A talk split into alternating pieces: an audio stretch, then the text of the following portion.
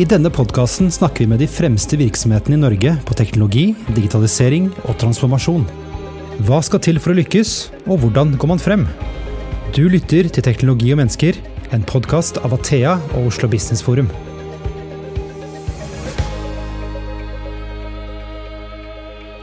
Det passer jo litt godt at vi gjør det her, for uh, det temaet vi skal ha i dag, uh, er ganske spennende. og Det handler litt om å gå utafor boksen, faktisk. Utafor komfortsonen. Det er noe som heter nysgjerrighet, kontinuerlig læring, teknologiferdigheter og ta inn over seg andres perspektiver på en problemstilling som man står overfor. da.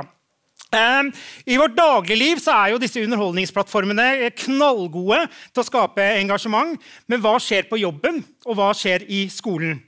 I denne episoden skal vi rett og slett se på hvordan det står til med skolen når det kommer til digitalisering, læring, kvalitet, og hva er det som egentlig skjer med transformasjonen av skolen. For det er faktisk sånn at du har ingen digitalisering bare med å hive en iPad inn i klasserommet. Ja, det var noen som lo. Det er, det er litt, vi kommer litt tilbake til det etterpå. Så Vi skal da snakke om hvordan vi skal skape god kvalitet eh, i læringssituasjonen. Eh, og dette er jo også eh, noe man kan ta med seg inn i arbeidslivet også, på arbeidsplassene. For det igjen, å være nysgjerrig og sprenge grenser eh, det er viktig for å få til innovasjon. Vi har med oss tre fantastiske gjester. Vi har en professor, vi har en digitalagent og så har vi en skole, eh, skoledigital eh, dame. det datt ut litt. Det er altså Marte Blikstad Ballas, som er professor professor fra Institutt for læring, lærerutdanning og skoleforskning på Universitetet i Oslo. Det er Hilde Storaune, som er digitalagent. Det er en dritkult eh, kul tittel. I Drammen kommune. Og så har vi Elisabeth Palmgren, som er leder for skolesatsingen i Athea. Velkommen opp!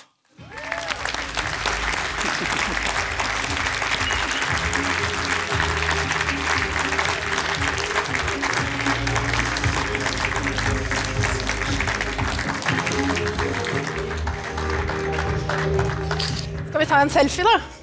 Var det ikke det du ville? Vi tar en selfie, ja. Her skal vi ta selfie. Kristian, du må være med. Nei, jeg blir ikke med. Og så bare litt liv i salen, da!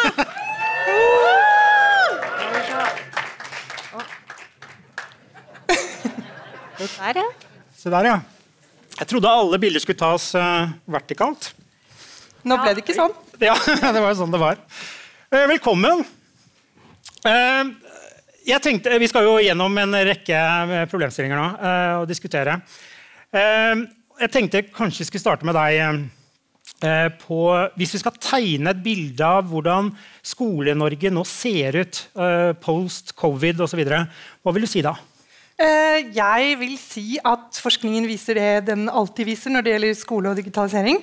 Nemlig at det først og fremst er variasjon. Altså det er noen skoler som ligger veldig godt an, og som har vært gode på digitalisering, og som har klart å bruke de digitale verktøyene godt. Eh, både før pandemien og etter. Eh, og så er det noen skoler hvor det ikke er sånn. Og pandemien har ikke endret det. Og det er kanskje noe av det viktigste fra forskningen å si. at det er nok noen som tenker at den sjokkdigitaliseringen, altså et sånt kjempeeksperiment hvor vi sier nå går alle digitalt over over natta. Mm. Og det er det, på en måte. Det var jo den norske strategien. Um, at det vil føre til en veldig endring i hvordan vi bruker digitale verktøy. Det tror jeg ikke vi kan si. Eh, forskningen vi har på pandemibruken av, uh, av, digital teknologi, peker faktisk litt på det motsatte. Altså at det har vært mye individuell oppgaveløsning og veldig tradisjonell uh, bruk av plattformer til å mm. fordele oppgaver individuelt. Det er jo litt spesielt da, når det har vært pandemi, for man kunne jo tenke seg at man da ville bruke de digitale verktøyene mye mer til samhandling, sette elevene som er isolert, sammen, eh, få de til å snakke med hverandre, bruke real-time-verktøy eh, og ha undervisning på alle de plattformene som vi vet fins, og som mange skoler har tilgang til. Men vi har sett lite av det. Mm. Vi lærte å logge på Teams. Ja, og igjen så er det variasjon. da, så Jeg vet at det ja. fins lærere her nå som overhodet ikke kjenner seg igjen i det jeg sier, og sier at uh, hos oss er det ikke sånn. Uh, og de vil ha rett, men for mange elever så var det mest av det. Altså individuelle oppgaver. Mm. Mm. Kjenner du deg igjen i beskrivelsen? Ja, jeg tror jo Vi hadde noen fordeler med at vi hadde infrastrukturen på plass. Men det er klart at uh, man merka jo også forskjeller innad i en kommune. Uh, og så tenker jeg at uh, Det vi var gode på, det var å snu oss rundt og, og uh, gjøre det beste ut av situasjonen. Og, og at det var mange som hadde også god digital undervisning. Men uh, at det var noen forskjeller der, det tror jeg absolutt. Og det går jo både på kompetanse og det å se mulighetene i, i den situasjonen som var. da. Mm. Så jeg hadde, noen, uh, jeg hadde, noen, sene kvelder og natter der, der jeg måtte uh, lage læringsvideoer på hvordan man skal logge på Teams og ut i dele skjerm og sånne ting. Du bruker ikke YouTube, nå, eller? nei, det, nei. nei. det er ikke der. Elisabeth, du pleier å kjøre modenhetsanalyser i mange kommuner. Ja, Den sier vel noe om hvor ligger kanskje ordet her da, men hvor moden kommunene er. da. Hva, hva, hva tenker du? Det er veldig sammenfallende da, med det Marte og Hilde sier her. Vi ser jo at det er et veldig stort strekk i laget. Eh, ikke bare blant lærerne, men også blant skoleledelsen. Skoleledelsen har jeg nesten litt hoppet over som ledd i den kompetansehevingsplanene som, eh, som stat og kommune har lagt til rette for. Så der trengs det noe mer, mer hjelp og støtte. Og så ser vi også at eh, den forankringen av det som har skjedd da, i forhold til digitaliseringen fra, i verdikjeden ute i kommunene, fra skole, fra politisk hold helt inn i klasserommet, der er det mange brudd. Så det er ikke noe helhetlig tankegang om hvordan man på en måte skal digitalt transformere, klare å hente ut verdien av det vi gjør ute i, i skolene. Mm. Og så er det veldig interessant også det med sånn som Marte sier her, at det er fremdeles veldig tradisjonell tilnærming til læring. Læreren står ofte veldig mye i sentrum som eksperten. Så det er ikke elevsentrert nok, den undervisningen som foregår. Det er ikke aktiviserende nok eh, oppgaver, og ikke oppgaver som legger vekt på samhandling og kreativitet og de tingene vi vet faktisk fører til økt læringsutbytte. Da. Så, og Det er noe vi også ser i nesten samtlige modenhetsanalyser vi kjører rundt omkring i, i Skole-Norge. Så selv om det er visse forskjeller, så kommer det opp. Så er det spennende dette med personvern også, som vi er inne og, og ser på. Der er et kompetansebrist mellom skoleeiernivå og skoleleder-lærernivå. Mm som eh, må, må, tas tak i. Mm. En, en, ting som er veldig spennende med det, er at eh, noe av det som er frustrerende med å forske på digitalisering, det er at vi vet at det kan være veldig bra. Sant? Vi vet at det er noen verktøy og noen eh, type praksiser som ville gitt veldig godt læringsutbytte. Og allikevel er det sånn at mange forskningsprosjekter, bl.a. flere jeg har vært med på, finner en veldig sånn konserverende og tradisjonell bruk, hvor det faktisk blir mer individuell oppgaveløsning også i klasserommet, og mer bruk av eh, enkle presentasjonsverktøy som PowerPoint f.eks. Og de kan selvfølgelig brukes på en måte som aktiverer elevene og får alle med, men vi ser ofte ikke det. Så det er stort strekk mellom også det forskningen sier er mulig, og det som er vanlig praksis. Mm. Mm. Jeg tenkte Det her går til deg også, Marte. Fordi fordi I researchen her så, eh, så Jeg googla, da. Jeg var på, ikke på YouTube, men på Google. Det er jo samme. Eh, et fett. Og så har vi en kunnskapsminister, Tonje Brenna. Så når hun omtaler digitalisering i skolen, så står det altså at hun er mer opptatt av uh, den tiden elevene bruker på skjerm, enn innholdet uh, i skolen. Det er den følelsen jeg får da, når jeg leser. Er du bekymra? Skjønner politikerne egentlig hva, hva som skal til? Jeg er litt overraska over det. Jeg ville dobbeltsjekket det. holdt jeg på å si, fordi ja, at uh, tror de aller fleste uh, de, Men en ting vi vet er at mange foreldre er veldig opptatt av dette med skjermtid. Mm. Uh, og det er veldig stor forskjell på skjermtid. Og jeg synes det er gøy når det gjelder barn og skjermtid, for vi er veldig opptatt av hvor mange minutter per dag er barna på skjerm. Mm. Er det noen av dere som tenker på deres skjermtid hver dag? For den tror jeg er ganske høy, altså. og det går vi ikke rundt og bekymrer oss over. Mm. Så, men jeg vil nok si at, at det viktigste er å være opptatt av hva den tiden brukes til. helt mm. klart. Og Der er det kjempestor forskjell. Eh, og det er forskjell fra barn er ganske små. For de fleste barn har tilgang fra veldig tidlig av. Men hva den tilgangen blir brukt til, eh, det er det veldig veldig stor forskjell. Så allerede når barna kommer inn som eh, seksåringer, eh, så har de veldig ulik digital kompetanse hjemmefra. Mm. Ja, vi ser også det at uh, i forhold til tilpassa opplæring sånn, Vi ville jo ikke gått inn og sagt at en som trenger lydstøtte, bare får lov til å bruke det en time om dagen. på en måte. Det er, det er noen uh, brister her da, i, i, logikken på når man står her og diskuterer skjermtid. Så Istedenfor å være opptatt av tiden, ser vi jo, er det jo mye viktigere å være opptatt av hva vi bruker det til. Uh, og det syns jeg også Drammen har vært veldig gode på å formidle ut til sine skoler. Og også foresatte. Så det er jo en, en god hva skal jeg si for noe, tilnærming og ramme satt på det. Dere har noen gode visjoner for hva dere skal bruke den teknologien til i Drammen, som jeg syns er ganske unikt. og Derfor er det moro å ha med Hilde her i dag. Mm. Ja, og, Men med det som du sier, debatten blir skjerm eller ikke skjerm. Og, og, det blir jo en litt sånn polariserende debatt. så det å å få fokus opp på når skal vi bruke den skjermen, og også når skal vi legge den bort. Eh, men den hensiktsmessige bruken, og det går jo mye på kompetanse. Spesielt av eh, skoleledere og lærere. For hvis de ikke ser muligheten, eller som ikke går bort fra det tradisjonelle eller det vi alltid har gjort, og, og klarer å ut, eh, altså utnytte de mulighetene som, som eh, teknologien gir, så kommer vi ikke et takk videre i nettopp den vurderinga på hvordan vi skal bruke teknologien. Så når infrastruktur og alt er på plass, så er det noe av neste steg. da. Eh, hvordan og, og hvorfor. Eh, jeg innledet jo egentlig med, å si Martha, at eh, disse underholdningsplattformene, eh, sosiale medier osv., de er jo knallgode på engasjement. Og så hører vi her at elevene lærer seg å logge seg på Teams. de er ikke på YouTube. Nå har jeg fått henge på YouTube, men klarer lærerne og kommunene da, Jeg skal ikke bare se på lærerne her, for det er jo en lederutfordring også. men klarer man å engasjere sånn at man får utnytta den teknologien som er. Det er jo ganske mye tech i eh, klasserommene.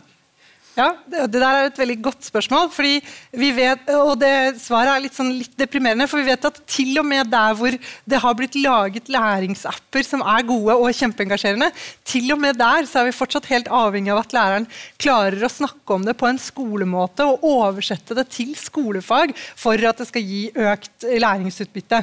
For det som hadde vært ideelt, er hvis vi hadde klart å få mer engasjement og mer læring samtidig. Eh, og det, det har vist seg ganske krevende krevende. Eh, så vi ser at noen verktøy er sånn kjempespennende og morsomme. og det er helt riktig det du sier at Sosiale medier for eksempel, har veldig gode eh, måter å engasjere oss på. og Vi blir liksom dratt inn dit og har lyst til å være der. Kanskje eh, nesten mer enn vi egentlig hadde tenkt. og sånn. Eh, så, så, man har det på en måte gøy mens man er der. Men å få til det i, et, i en læringssituasjon på en sånn måte at det også gir overførbar læring til andre faglige situasjoner, det har vist seg vanskelig. For så har vi flere spill i ulike fag som er kjempemorsomme, og elevene har det veldig gøy. Eh, så si det er et mattespill, f.eks. Det å få det til å på en måte transformeres og være gyldig også i en tradisjonell matteprøve etterpå, det steget der, da trenger du en veldig god lærer. Så god teknologi alene er aldri nok, dessverre. Og Det er egentlig litt trist, det, og det tror jeg man har undervurdert litt. Men det er også litt bra, for det betyr at vi fortsatt er helt avhengig av flinke lærere som vet hva de vil med de engasjerende appene. Hmm. Hva tenker du Elisabeth, er det største problemet når det kommer til å skape engasjement? Ja, Det handler jo om, eh, om, eh, selvfølgelig den kompetansen. Vi vet jo at skal vi engasjere elever, så trenger vi, eller ikke bare elever, men også oss voksne inn i læringsøyemed, så må du engasjeres både akademisk, intellektuelt og sosialt. Eh, så Det betyr at du må ha med deg følelsene dine, du må ha med deg de kognitive evnene dine, du må ha med deg forutsetninger for læring, og du må gjøre det sammen i et sosialt fellesskap. Og så For å få til alle disse tingene da, samtidig, så, så skal du være eh, ja, du, du, bør være skolert på hvordan du driver den metoden og metodikken i klasserommet. Ikke minst så må du ha med deg metaspråket. Eh, og det syns jeg kanskje Det må jeg, det må jeg se til forskeren, for jeg vet ikke helt om det stemmer. Men mitt inntrykk er at i norsk skole så mangler vi det metaspråket.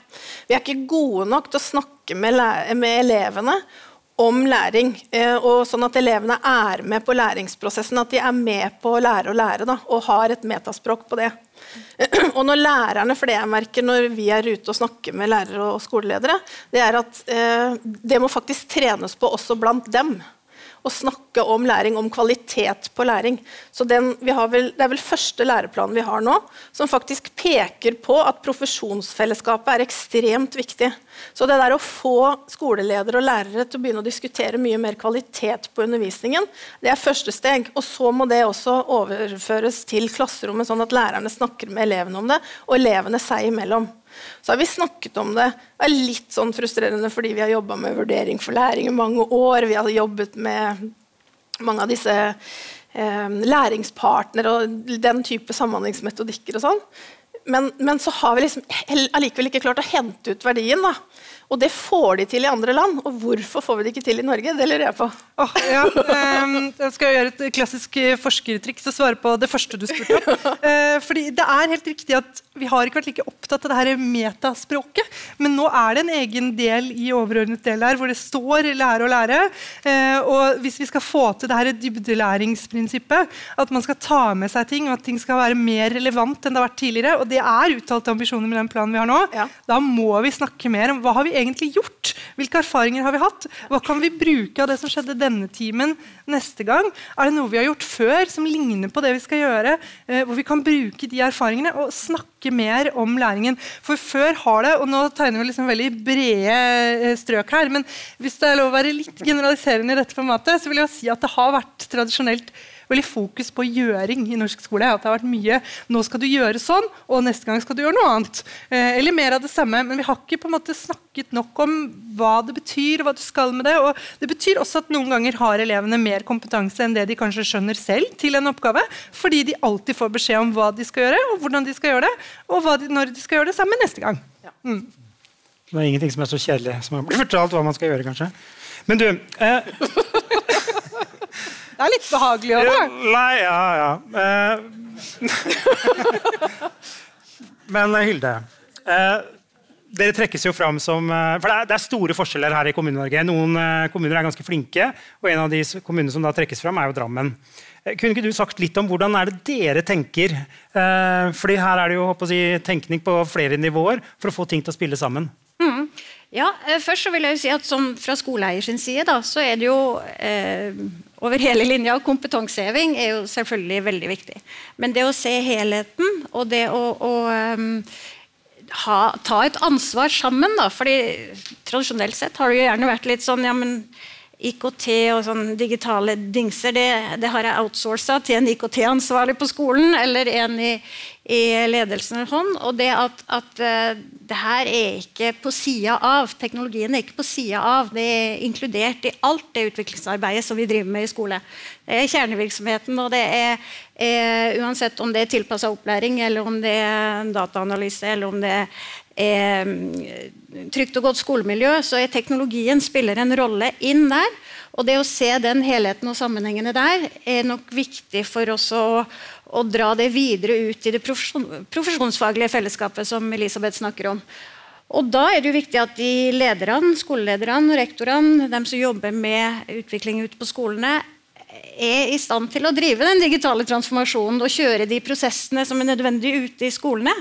Eh, så det er klart mye kompetanseheving eh, av skolelederne er viktig. Det å sette det på agendaen, at skoleeier synliggjør at det er viktig. At man får eh, ja, Hvis man setter fokus på det, så, så, blir det også en forventning om at dette forventes det at vi skal jobbe videre med. Eh, og da skape den refleksjonen og analysen ute på skolene, i utviklingsarbeidet på skolene, for hvordan driver vi eh, vårt læringsarbeid, og hvilken rolle spiller teknologien inn. Er det mye skjermtid for skjermtidas skyld, eller, eller, hvordan bruker vi teknologien på en hensiktsmessig måte? Hvordan opplever jeg må bare få lov å skyte inn. For det, det, Drammen kommune har gjort som jeg er så imponert over For det første så har man nettopp vært gjennom en pandemi. Og så har de slått sammen tre kommuner. Dere har blitt en ny kommune. Og hva dere har fått til av eh, forankring av visjoner for hva dere vil med skole og vil med bruk av teknologi, da, og fått satt dette her, det er jo helt i tråd med det på en måte man har vært ute og hva forskningen sier man bør gjøre, hvordan man skal drive effektive skolesystemer osv. Den visjonen og forankringen dere har på en måte fått satt i kommunen på tross av alle disse ja, sammenslåinger og, eh, og, pandemi, det må jeg bare Det fortjener en ekstra applaus. Altså. Ja, så flere må lære av dere på det der. Ja. Ja, vi, vi, var jo heldige også som hadde, hadde, Vi hadde jo et godt grunnarbeid i de tre kommunene som ble slått sammen. Da. Så det er klart at også var vi kanskje litt heldige med LK20 kom idet vi skulle ha ny kommune. Så vi, vi, kunne jo tenke på litt nye andre måter. Så, eh, så den helhetlige tankegangen tenker jeg har vært viktig. Det er helt imponerende. Ja, nei, jeg vil også bare eh, være enig og gi skryt. For jeg tenker at det å ha felles visjoner for hva man vil egentlig med alt som har med skole å gjøre, men også med teknologi. Jeg tror Det er veldig viktig, fordi eh, det vi har sett i forskningen så langt, er at det er litt sånn ildsjelbasert. Og det er et begrep som også brukes i forskningsrapportene. altså at Det er ildsjeler som står for digital innovasjon rundt på skolene.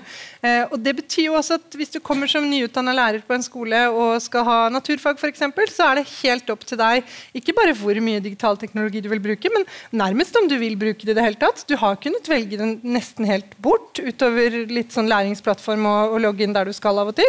Og det er jo litt sånn visjonsløs, nesten. Hvis det, ellers så blir det veldig i hvert fall privatiserte visjoner. Da. Og skolen er jo ment å være et veldig fellesskapsprosjekt. Det er jo et av de store fellesprosjektene vi har i samfunnet. Og da tenker jeg at det er litt på sin plass med noen felles visjoner òg. Jeg tror det blir lettere å lykkes med oppdraget.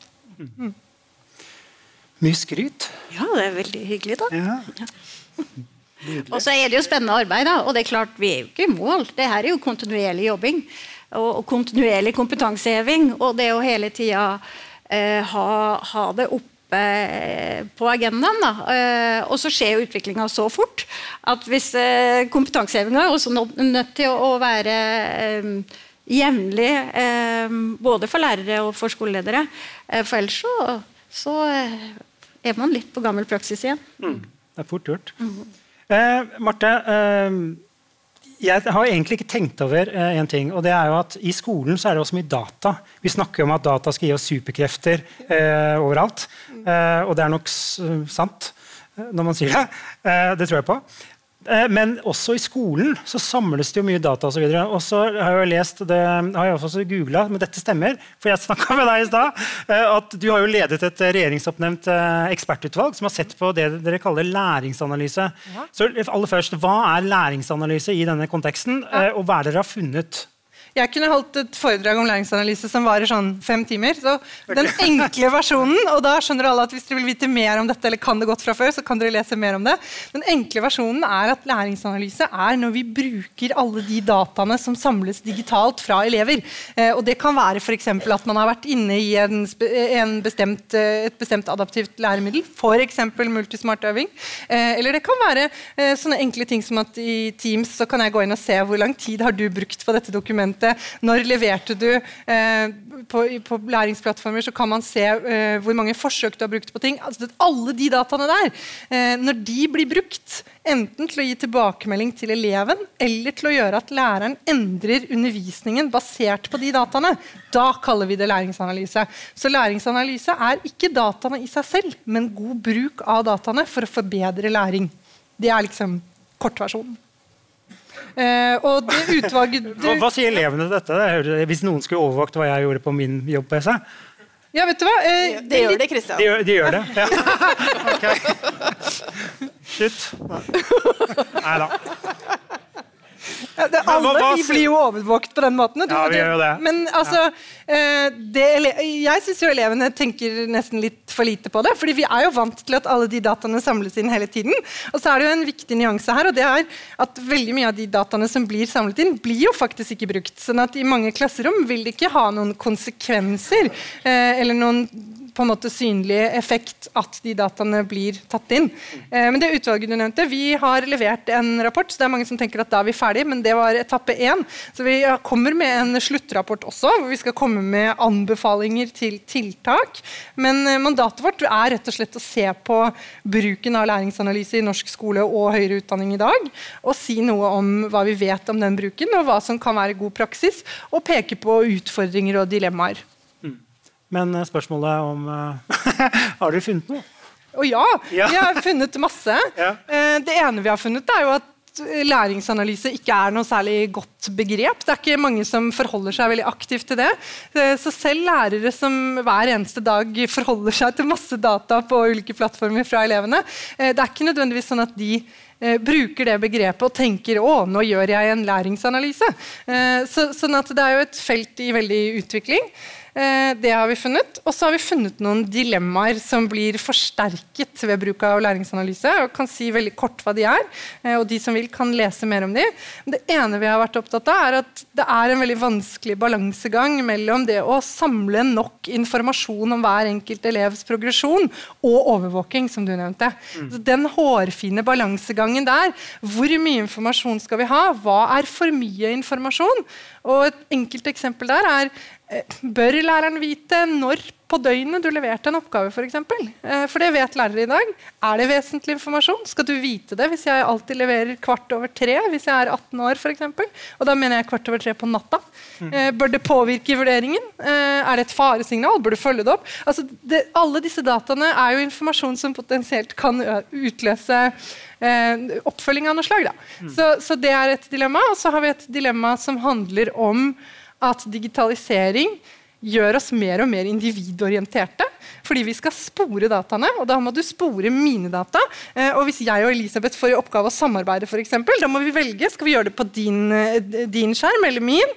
Eh, din bruker eller min? Og hvis vi gjør det på min bruker, og du er mye flinkere enn meg, så vil jeg få et kunstig høyt resultat. Det kan du som lærer ikke gå inn og overstyre etterpå. Det vil bli lagret på meg i evig tid. Og det kan høres ut som en banalitet, men det har ført til at stadig flere lærere velger å si nei, men da må Elisabeth jobbe for seg, Marte for seg, Hilde for seg. og så og så får man mye mer eh, individuelt arbeid i norsk skole. Selv om fagfornyelsen, som du nevnte, de nye læreplanene, hva vil de ha?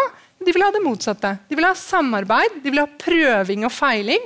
Det blir mindre prøving og feiling når vi måler hver eneste feil og lagrer den i evig tid. Så det er et stort dilemma.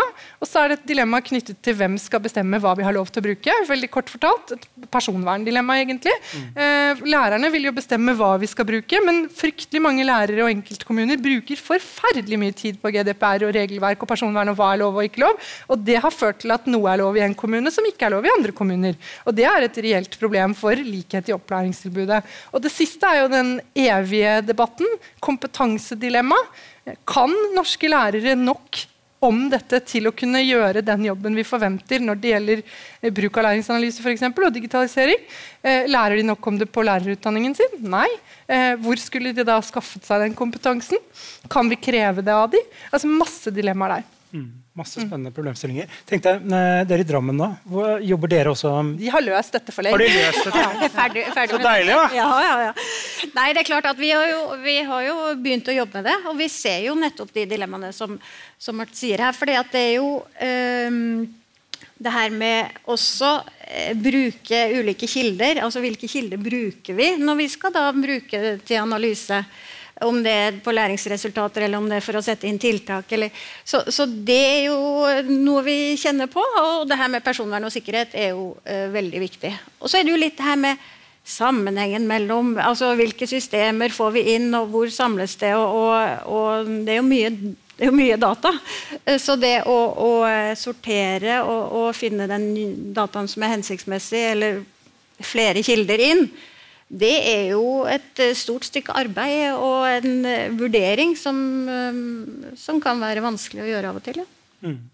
Det, men jeg ser jo et potensial der òg. Altså det å ha altså hvordan dataene eh, Når vi får plassert litt disse dilemmaene her og der, hvordan det kan eh, være med på helt konkrete tiltak på enkeltelever eh, og, og på læringssituasjonen i klasserommet, det tenker jeg absolutt at det finnes eh, potensial der. Og det å finne den riktige måten inn dit. da. Hmm den store styrken nå ved all digital uh, datainnhenting er jo at vi får et annet innsyn i læringsprosessen til elevene. Og hvis vi klarer å bruke det som beslutningsstøtte på hva den eleven trenger videre, enten det skjer adaptivt der og da, eller ved at læreren går inn og ser og tenker at her må vi jobbe sånn og sånn i undervisningen, det hadde vært kjempebra. Så jeg er veldig enig i at det er stort potensial der. Mm. Eh, Elisabeth, er jo en del uh, kommuner som har gått på trynet når det kommer til personvern. Jeg lurer på om noen har blitt bøtelagt også av Datatilsynet? Ja, de har det. Uh, hva, hva, er det det går i? Hvorfor tryner man? Altså, det handler jo mye om kompetanse. Eh, det handler om Det har jo vært kanskje litt sånn frislipp òg. Teknologien har løpt litt foran på en måte også personvern- og sikkerhetstingene. Mm. Og så blir man veldig ivrig og engasjert som lærer. Man ønsker å tilby den beste undervisningen, og så finner man litt applikasjoner eller noen nettsider osv. Og, og så tar man i bruk det i undervisning, kanskje helt uten egentlig helt å ha tenkt gjennom konsekvensene av det. Da. Og det er jo ofte det vi ser at de bøtene kommer vel på grunnlag av at eh, en eller annen har uh, tråkka, litt feil uh, i forhold til det. Uh, og, men det er jo ikke veldig rart heller, når man ser på alle disse små kommunene vi har rundt omkring uh, i landet, at vi skal forvente heller at kompetansen ligger ute på hver enkelt kommune. Her trengs det noen nasjonale støttefunksjoner for å, for å kunne hjelpe til bedre med det. Og det er også i dag et skoleeiernivå. Og som jeg innleda med litt tidligere her i dag, så det er et kompetansebrist også mellom skoleeiernivå, for det begynner å komme litt på plass. Uh, ja, Det kan sikkert uh, Thomas Tømle si mer om hos oss, men, men, den, men skoleeiernivå i hvert fall begynner å vite at de må ha en del rutiner på plass. Men fra det til at skolelederne og lærerne faktisk har kompetansen til å følge det opp og forstår hva personverndata er, og sånn, det er et langt steg. Eh, og så må vi jo selvfølgelig ha med oss også produsentene, altså edtech-bransjen og forlagsbransjen og de som faktisk sitter, blir sittende på mange av disse elevdataene. En del av problemstillingen i dag er at de sitter på veldig mye god data som faktisk ikke elevene eh, og lærerne får tilgang til.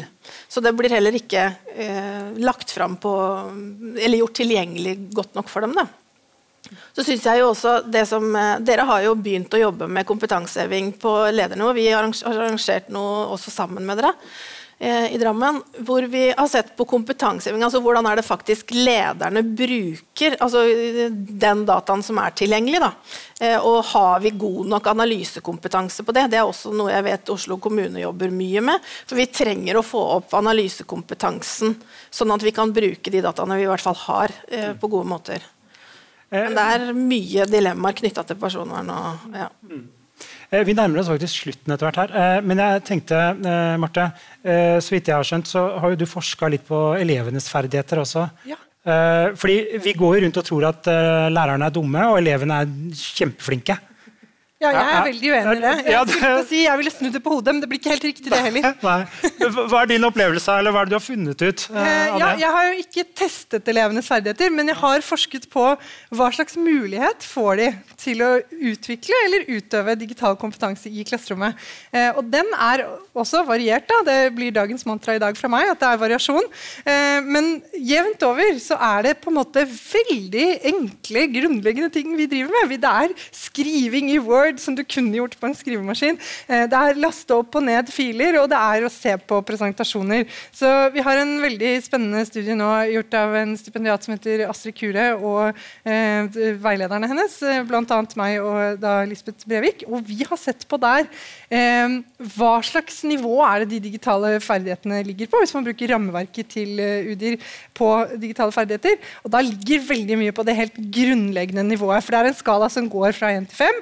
Eh, og så ser vi at veldig mye ligger på, på nivå 1. Da. Altså det er helt grunnleggende bruk i rollen som konsument. Og jeg tenker på Hvis vi liksom lager en sirkel til der vi starta med engasjement eh, Hvis man skal engasjere elevene, så tror jeg de må gå ut av den konsumentrollen og bare passivt motta informasjon og bli mye mer aktive og lage ting selv. Og da går vi fort opp på den skalaen. skjønner du? Hvis du skal begynne å bruke ting, trekke fra ulike kilder, lage noe selv, sette det sammen, presentere, være mye mer aktiv, helt i tråd med gjeldende læreplan, da vil eh, mye av det gå ikke av seg selv, men det vil gå i riktig retning.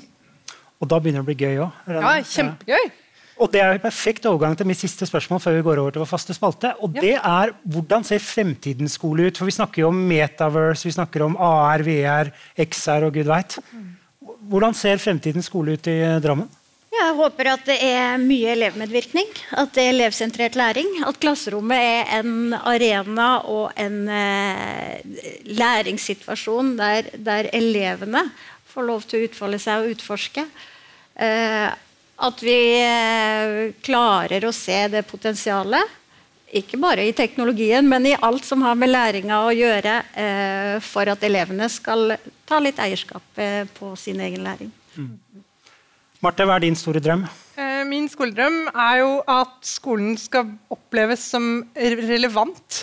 Eh, og grunnen til at jeg sier Det er at det er, det er, jo kanskje den viktigste institusjonen vi har. Det er jo ikke noe rart at en skoleforsker sier det, men det, det er på en måte samfunnets første møte med en enkeltborger. og Det går over veldig mange år, og det er en enorm mulighet til å påvirke barn positivt og gi dem like muligheter. Og da må skolen være relevant. Eh, og stadig flere mener jo at det er liksom irrelevant og kjedelig. og det, liksom, det er ikke like gøy som YouTube, som du nevnte. For eksempel. Og jeg mener ikke at alt må være gøy hele tiden, men det må være meningsfylt. Eh, og man må føle at eh, her er det et sted hvor folk heier på meg, og hvor jeg får til ting, og hvor jeg får hjelp hvis jeg ikke får det til. Eh, og syns jeg vi har en veldig fin læreplan, så jeg håper jo litt på mer den eleven som er mye mer aktiv da, enn det vi har sett så langt. På mange skoler, i hvert fall. Mm. Mm. Nydelig. Vi rekker ikke å spørre deg, Elisabeth, men du kan jo svare på det store spørsmålet. Det viktigste spørsmålet i dag. Og det jeg lurer på er liksom, er din, eh, Dette er en sånn fast spalte. Så vi spør om folks IT-tabber. Og jeg har bedt dere forberede, liksom, og nå skal dere øse ut med hva dere har gjort. Ja. hva er din største IT-tabbe, Elisabeth? Jeg har lurt på om jeg tør å dele dette. Men eh, altså, jeg, jeg skulle i intervjusituasjon. Eh, det var Oslo kommune. Jeg skulle søke på en eh, lederstilling der. Eh, og så fikk jeg en sånn oppgave du skulle forberede på forhånd, så jeg hadde laga en presentasjon. Og hadde gjort den klar selvfølgelig på PC-en og skrudd av alle varsler og alt mulig. Og så rett før jeg skulle inn, så restart selvfølgelig den maskinen seg. av en eller annen merkelig grunn. Jeg skjønner ikke. Ikke brukfeil.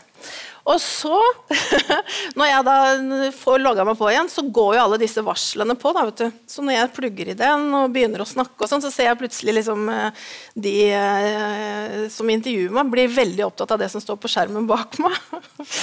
og så tenkte jeg jøss, yes, Eh, og så begynte de å flire litt, og sånn, og så tenkte jeg hva er dette her? Eh, og så eh, viser det seg at jeg hadde da Dette er eh, noen år tilbake. Jeg var singel, hadde vært på date eh, dagen før. Eh, vi hadde sittet og delt en flaske vin til klokka var tolv. og så klarte Litt klønete formulering, vil jeg påstå, men da står det på skjermen når jeg snur meg bak meg, så står det Hei, søta, takk for i natt. Hvordan gikk intervjuet? Nei! Eh, da kjente jeg liksom at eh, jeg hadde vanskelig med å konsentrere meg eh, da. For da tenkte jeg hvordan skal jeg liksom forklare dette? Nydelig. Fikk Og da note to self, never use Altså, jeg har ikke lenger noe sånne sosiale varsler eller meldinger på min PC-jobb. Det er bare Never do. Jeg fikk jobben. Fikk jobben? Ja, jeg fikk. Det var bra.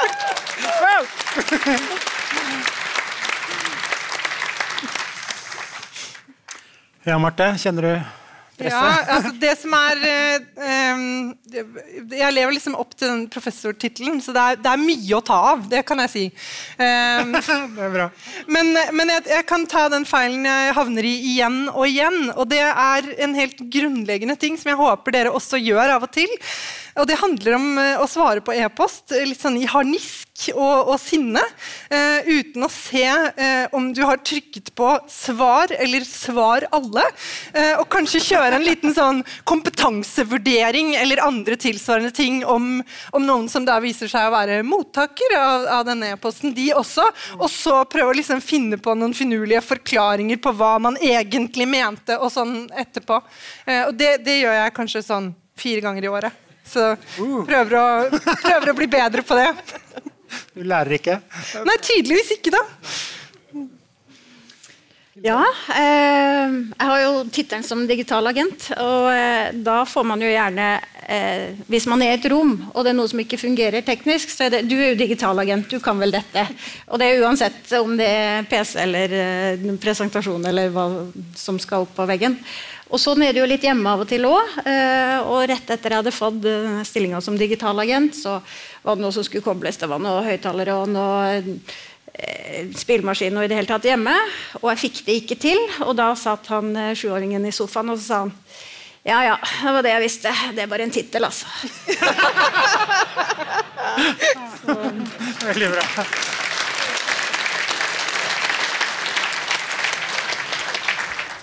Det var deilige tabber. Nydelig. Eh, Elisabeth, Marte og Hilde, tusen, tusen takk for at dere kunne være med. Eh, og tusen takk til alle dere som har lyttet på. Du har nå lyttet til Teknologi og mennesker, laget av Athea og Oslo Business Forum. Liker du podkasten, setter vi stor pris på om det gir oss noen stjerner. Og tips gjerne en venn om podkasten.